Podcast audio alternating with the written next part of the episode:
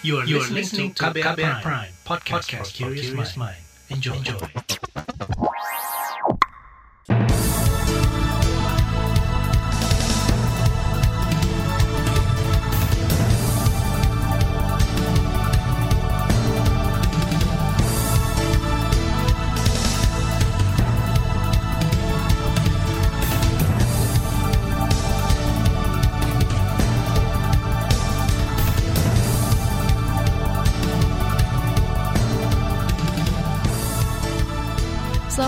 Saudara, senang sekali kami bisa menjumpai Anda kembali melalui program Buletin Pagi edisi Rabu 19 Oktober 2022 bersama saya Naomi Liandra. Dan saya Agus Lukman, saudara sejumlah informasi pilihan telah kami siapkan.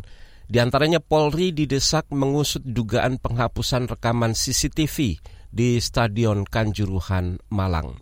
Terdakwa Barada Eliezer menyesal menembak Brigadir Yosua. Kasus gangguan gagal ginjal akut misterius kemarin mencapai 192 anak. Inilah buletin pagi selengkapnya. Terbaru di buletin pagi. Saudara, tim gabungan independen pencari fakta tragedi Kanjuruhan menemukan fakta adanya upaya penghilangan rekaman kamera pengawas atau CCTV di Malang, Jawa Timur. Anggota TGIPF tragedi Kanjuruhan Akmal Marhali mengatakan, diduga ada orang yang sengaja menghapus, berusaha menghilangkan atau mengganti rekaman CCTV. Durasi rekaman yang hilang mencapai lebih dari tiga jam. TGIPF menyebut pihak kepolisian beralasan rekaman hilang saat transfer data kan itu kan semua CCTV ada 32 saja. Kalau kita terima cuma ada CCTV yang hilang gitu kan. Gambarin satu CCTV. Kemudian kita sudah konfirmasi akan diserahkan. Tapi memang kita belum lihat kejadiannya seperti apa yang tiga jam itu. Sementara TGFM kan sudah melaporkan semuanya kepada presiden gitu ya. Tinggal hmm. kalau memang nanti kemudian dibuka uh, oleh pemerintah dan terjadi hal-hal yang urusannya dengan sanksi pidana ya akan dikenakan kalau kemudian videonya biasa saja, ya hanya akan jadi pelengkap laporan, kan gitu aja. Anggota tim gabungan independen pencari fakta atau TGIPF Akmal Marhali menambahkan, berdasarkan rekomendasi TGIPF, proses hukum tragedi Kanjuruhan saat ini sedang berjalan. Akmal meminta masyarakat terus mengawal penerapan hasil rekomendasi TGIPF, termasuk rekonstruksi kejadian yang rencananya digelar hari ini. Rencananya Polri bersama Komnas HAM juga akan melakukan penggalian kubur korban tragedi Kanjuruhan Kamis besok untuk autopsi. Saudara, dugaan penghilangan rekaman kamera pengawas atau CCTV dalam tragedi Kanjuruhan juga disampaikan tim gabungan Aremania, yaitu tim gabungan dari supporter klub Arema FC.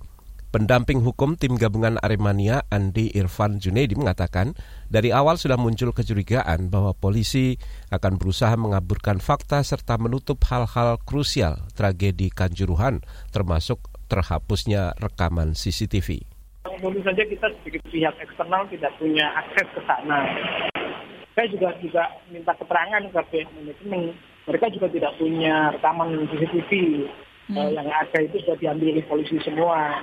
Karena ketika mau merekord itu sudah diperbolehkan oleh para rekaman oleh polisi ya. Nah urusan CCTV ini kan sangat vital dia ya, karena itu menjadi rekaman otentik peristiwa Pendamping hukum tim gabungan Aremania Andi Irfan Junaidi menambahkan tidak hanya masalah CCTV yang ditutup-tutupi atau dihilangkan, tapi juga respon kepolisian terhadap korban. Misalnya tidak ada satupun dokter yang menunjukkan visum otentik terhadap jenazah, termasuk menjelaskan rinci penyakit korban.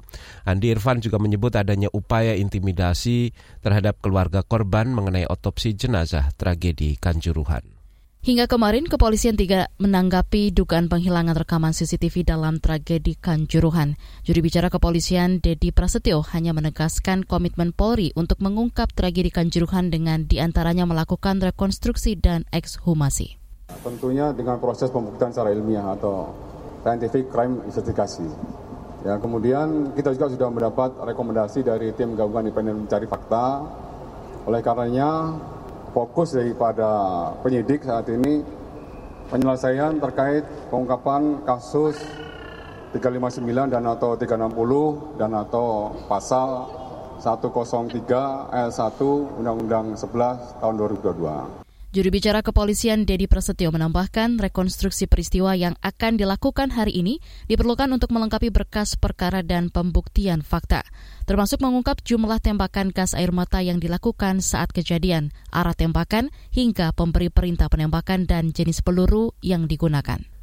Saudara LSM pengawas kepolisian IPW meminta Polri menindaklanjuti temuan gabungan tim gabungan independen pencari fakta tragedi Kanjuruhan.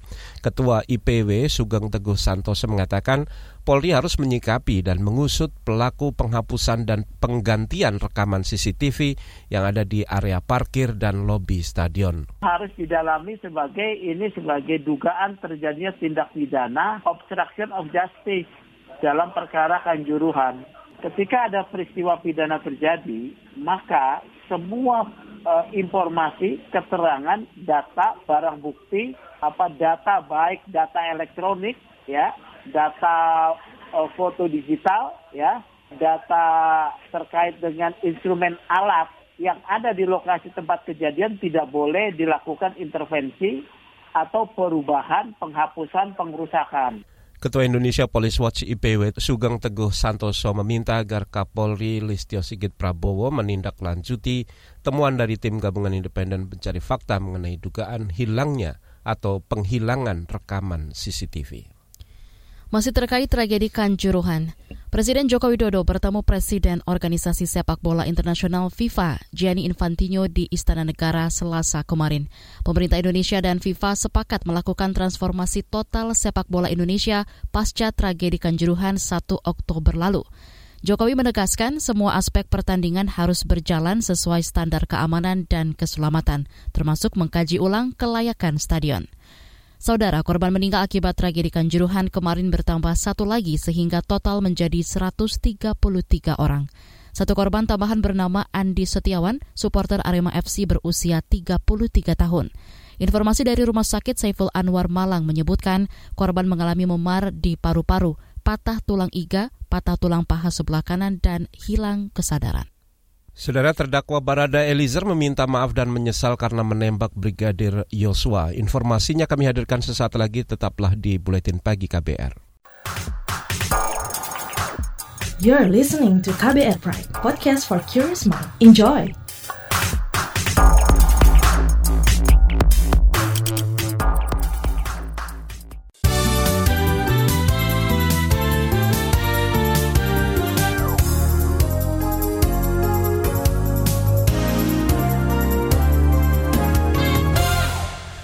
Saudara Presiden Joko Widodo menandatangani Undang-Undang Perlindungan Data Pribadi dan mengundangkannya di lembar negara. Undang-undang ini tercatat sebagai Undang-Undang Nomor 27 Tahun 2022.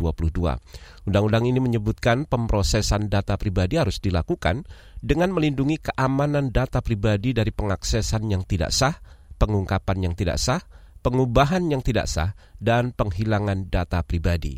Orang yang sengaja membuat data pribadi palsu atau memalsukan data pribadi yang dapat merugikan orang lain diancam penjara maksimal 6 tahun dan atau denda maksimal 6 miliar rupiah. Kita beralih ke kasus pembunuhan Brigadir J. Terdakwa Richard Eliezer atau Baradae menyesal telah menembak Brigadir Yosua Huta Barat. Ungkapan penyesalan disampaikan Eliezer usai menjalani sidang dakwaan di Pengadilan Negeri Jakarta Selatan kemarin. Ia mengaku hanya seorang anggota Polri yang mengikuti perintah atasan yakni Verdi Sambo. Semoga permohonan maaf saya ini dapat diterima oleh pihak keluarga. Tuhan Yesus selalu memberikan kekuatan serta penghiburan buat keluarga almarhum Bang Yos. Saya sangat menyesali perbuatan saya namun saya hanya ingin menyatakan bahwa saya hanyalah seorang anggota yang tidak memiliki kemampuan untuk menolak perintah dari seorang jenderal. Terima kasih. Usai sidang, tim penasihat hukum Richard Eliezer memutuskan tidak mengajukan eksepsi atau keberatan atas dakwaan jaksa penuntut umum.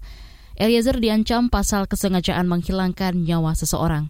Sementara itu, Lembaga Perlindungan Saksi dan Korban LPSK menyatakan jika dalam persidangan Baradae mencabut atau mengubah keterangannya di BAP, maka status justice collaborator atau pelaku yang bekerja sama dengan penegak hukum akan dibatalkan.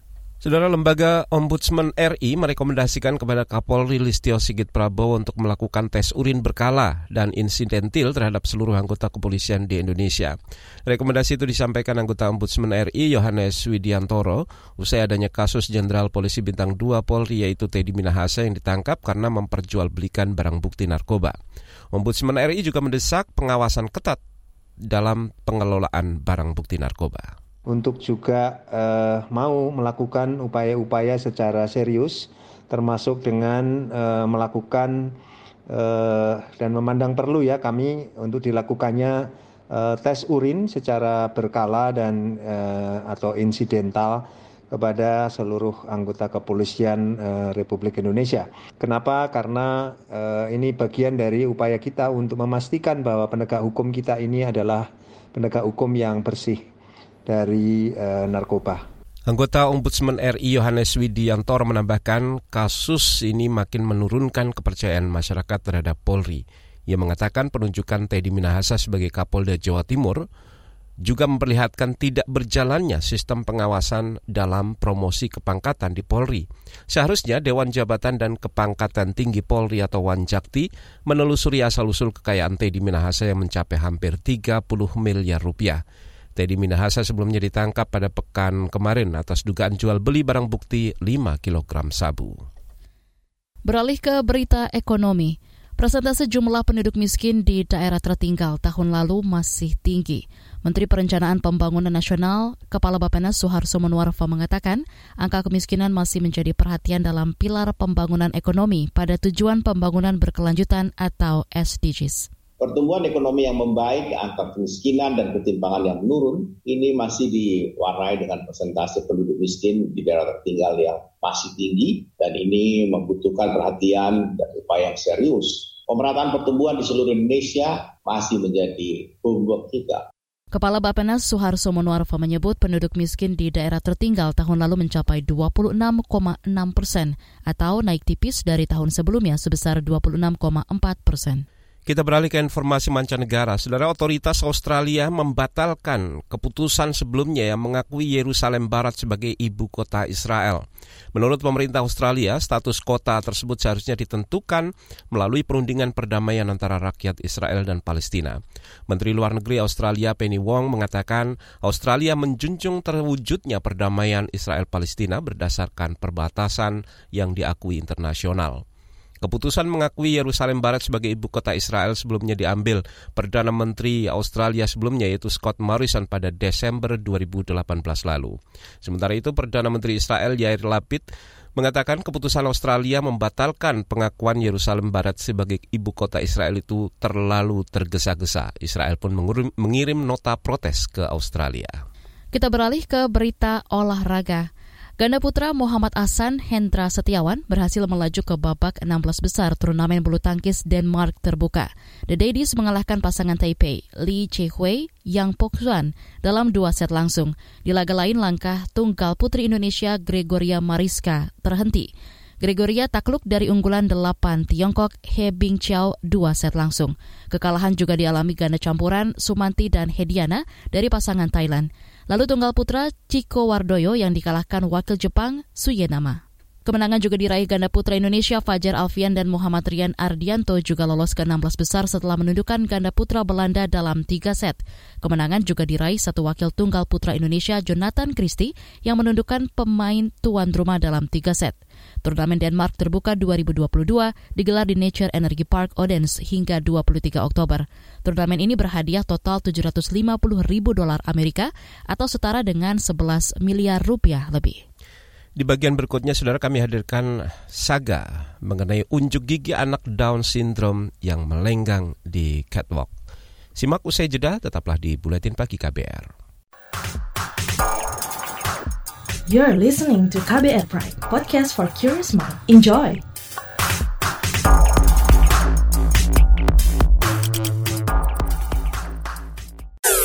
Commercial break.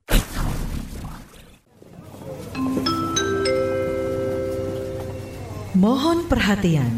Panggilan terakhir penumpang Trending Air dengan nomor penerbangan WT0101 dipersilakan segera mendengarkan podcast What's Trending melalui Spotify.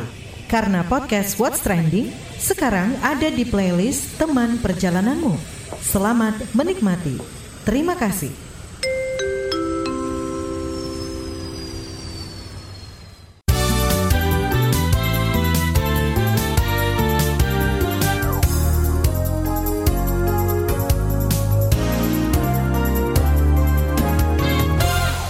Anda masih bersama kami di Buletin Pagi KBR. Saudara, Oktober selalu diperingati sebagai bulan peduli Down Syndrome sedunia. Namun hingga kini penyandang Down Syndrome masih dilekati stigma atau stempel buruk dan disk didiskriminasi. Mereka kerap dilabeli cacat dan tidak memiliki masa depan. Padahal penyandang Down Syndrome punya potensi berprestasi jika optimal diasah. Yayasan para orang tua anak Down Syndrome mencoba mematahkan stigma ini melalui ajang peragaan busana dengan anak-anak Down Syndrome sebagai modelnya. Jurnalis KBR Valda Kustar ini melihat dari dekat keseruan acara itu dan juga berbincang dengan panitia dan orang tua tentang asa mereka.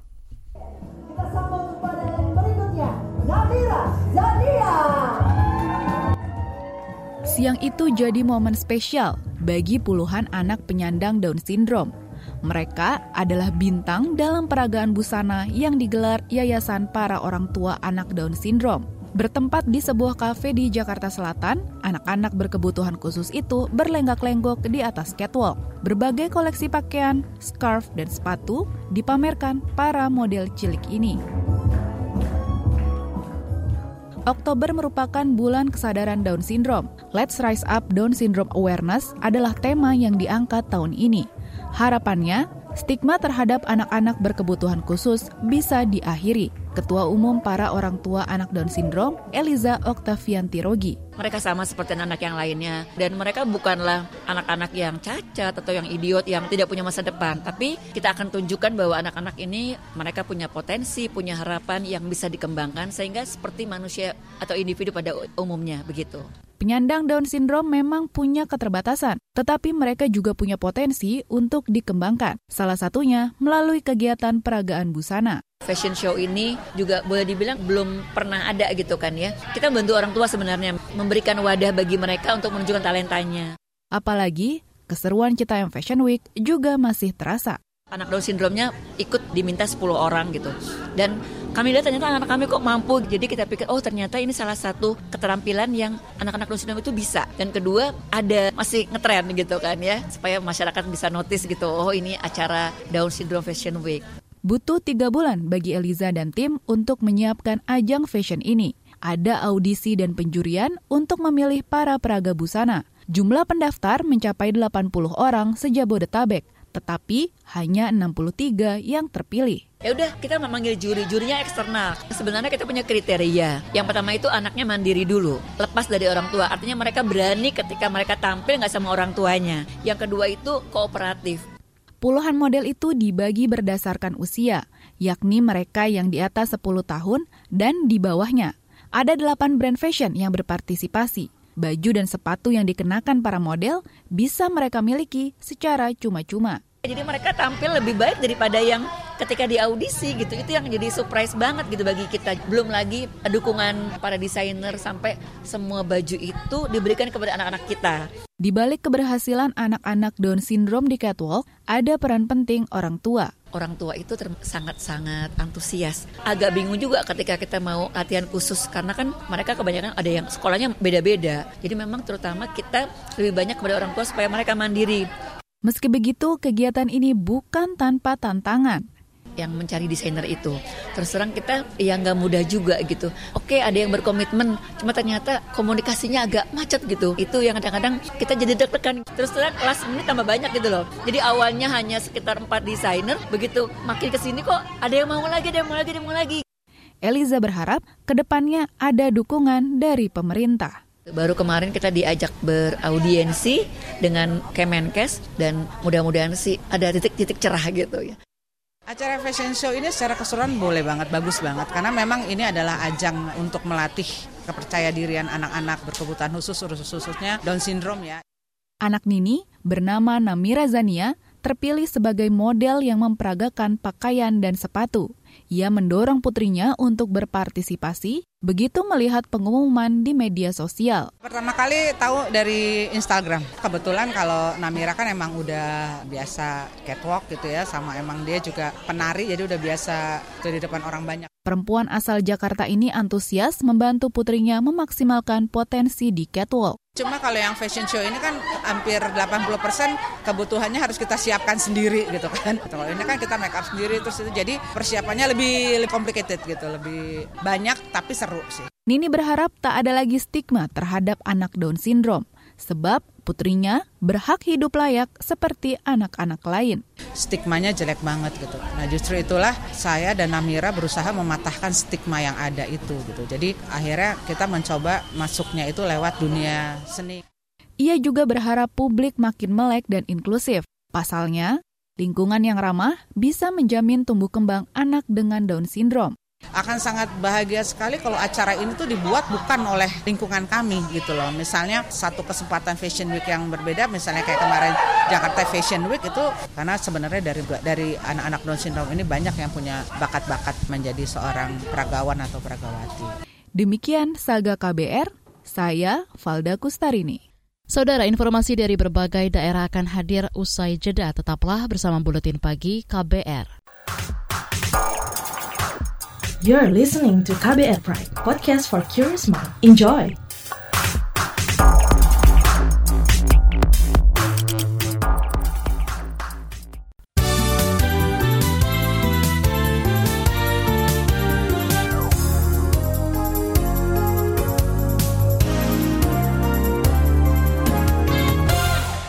Inilah bagian akhir buletin KBR. Saudara kasus gangguan ginjal akut misterius sudah ditemukan di 20 provinsi di Indonesia. Kasus terbanyak ada di DKI Jakarta dengan 50 kasus, disusul Jawa Barat, Jawa Timur, Sumatera Barat, Aceh, dan Bali. Ketua Pengurus Ikatan Dokter Anak Indonesia IDAI, Piprim Basarah Yanwarso mengatakan hingga kemarin tercatat ada 192 kasus di Indonesia dengan pasien rata-rata berusia 1 hingga 5 tahun.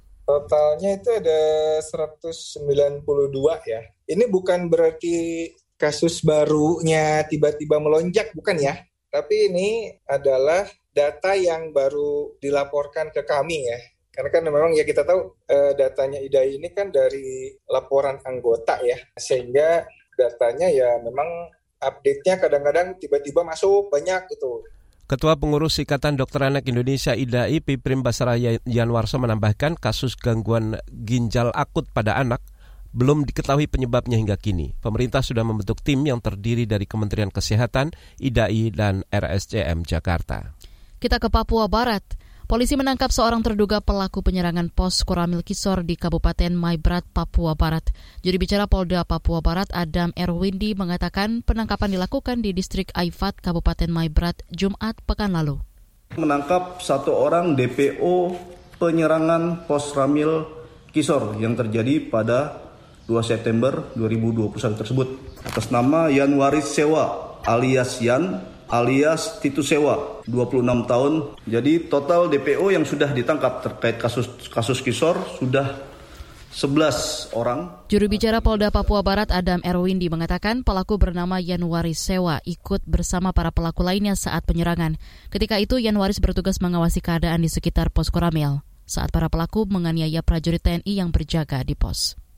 Kita ke Jawa Timur, saudara hujan intensitas tinggi sejak Senin mengakibatkan banjir merendam ribuan rumah dan rumah sakit di Trenggalek, Jawa Timur. Lima kecamatan tergenang air yaitu Trenggalek, Karangan, Gandusari, Pogalan, dan Durenan. Sekretaris BPBD Trenggalek Tri Puspitasari mengatakan ketinggian banjir terparah mencapai lebih dari satu setengah meter. Untuk kondisinya sampai saat ini kita dari BPBD juga dari OPD terkait dan stakeholder terkait TNI, Polri dan lain-lain masih dalam proses evakuasi untuk masyarakat yang terdampak Banjir juga merendam RSUD Sudomo Trenggalek hingga seluruh pasien di lantai 1 dievakuasi ke lantai 2 hingga lantai 4. Informasi tadi menutup jumpa kita di Buletin Pagi hari ini. Pantau juga informasi terbaru melalui kabar baru situs kbr.id, Twitter kami di akun @beritaKBR serta podcast di alamat kbrprime.id. Akhirnya saya Naomi Liandra dan saya Agus Lukman bersama tim yang bertugas kami undur diri. Salam. Salam.